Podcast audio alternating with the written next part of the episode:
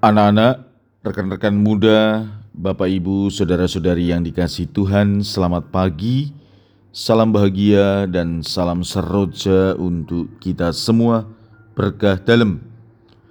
Bersama dengan saya, Romo Antonius Garbito Pambuaji menyampaikan salam dan berkat Allah yang Maha Kuasa dalam nama Bapa dan Putra dan Roh Kudus. Amin. Hari ini Senin 29 Januari dalam hari biasa pekan biasa keempat.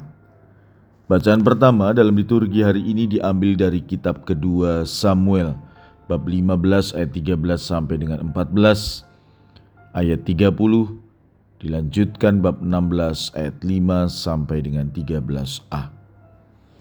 Bacaan Injil diambil dari Injil Markus bab 5 ayat 1 sampai dengan 20.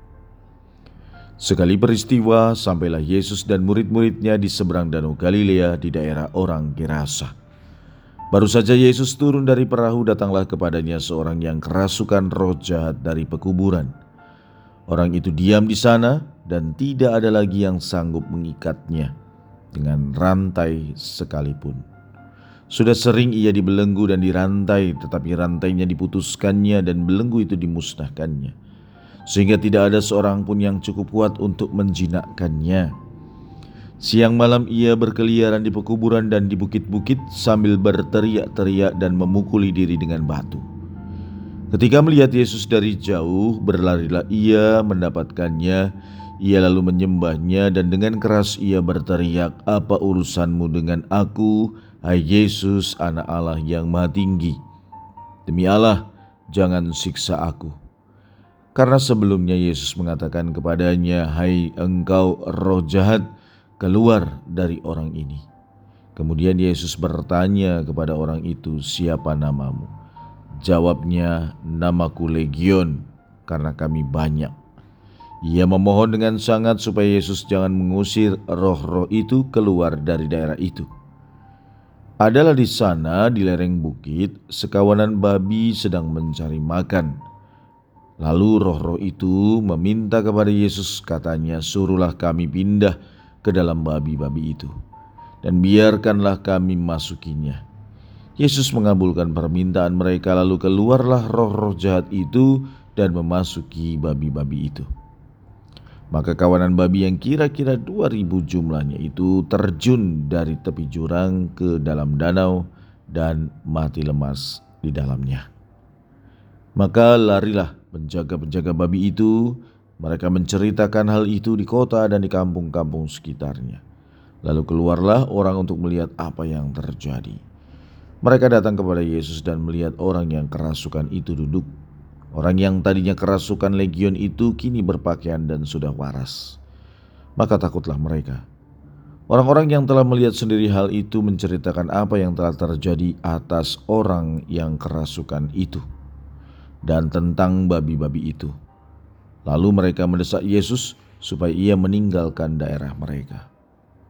Pada waktu Yesus naik lagi ke dalam perahu, orang yang tadinya kerasukan setan itu meminta supaya ia diperkenankan menyertai Yesus. Tetapi Yesus tidak memperkenankannya. Yesus berkata kepada orang itu, "Pulanglah ke rumahmu kepada orang-orang sekampungmu." Dan beritahukanlah kepada mereka segala yang telah diperbuat oleh Tuhan atasmu dan ceritakanlah bagaimana ia telah menasihati engkau. Orang itu pun pergi dan mulai memberitakan di daerah Dekapolis segala apa yang telah diperbuat Yesus atas dirinya dan mereka semua menjadi heran. Demikianlah sabda Tuhan. Terpujilah Kristus. Saudara-saudari yang terkasih, sabda Tuhan yang diceritakan dalam Injil hari ini menarik ceritanya dan ada satu hal yang bisa kita petik dari banyak hal tentunya. Permenungannya jelas bahwa kehadiran Yesus atau pewartaan kabar baik yang disampaikan oleh Tuhan Yesus selalu punya cara, selalu menarik dan unik. Hari ini kisahnya pewartaan itu disampaikan lewat orang yang disembuhkan karena kerasukan roh jahat sudah cukup lama. Tetapi penyembuhannya bukan atas perintah Yesus untuk pergi keluar dari orang yang kerasukan roh jahat itu saja, tetapi mereka sendiri, roh jahat itu yang disebut legion, meminta kepada Yesus untuk tidak mengusir mereka, tetapi memindahkan. Dan permohonan mereka dikabulkan. Sayangnya, orang-orang di sekitar daerah itu tidak menerima baik pewartaan Tuhan. Mereka malah justru meminta Yesus untuk pergi keluar. Karena mereka menjadi takut. Dan itulah kenyataan. Bukan hanya saat itu, tetapi juga saat ini. Pewartaan kabar baik tidak selalu diterima dengan tangan dan hati terbuka. Tetapi Yesus tahu dan tetap ingin agar pewartaan itu sampai kepada mereka. Maka ketika orang yang sudah sembuh itu meminta kepada Yesus untuk boleh ikut serta, Yesus melarang. Larangannya ini tentu punya maksud baik.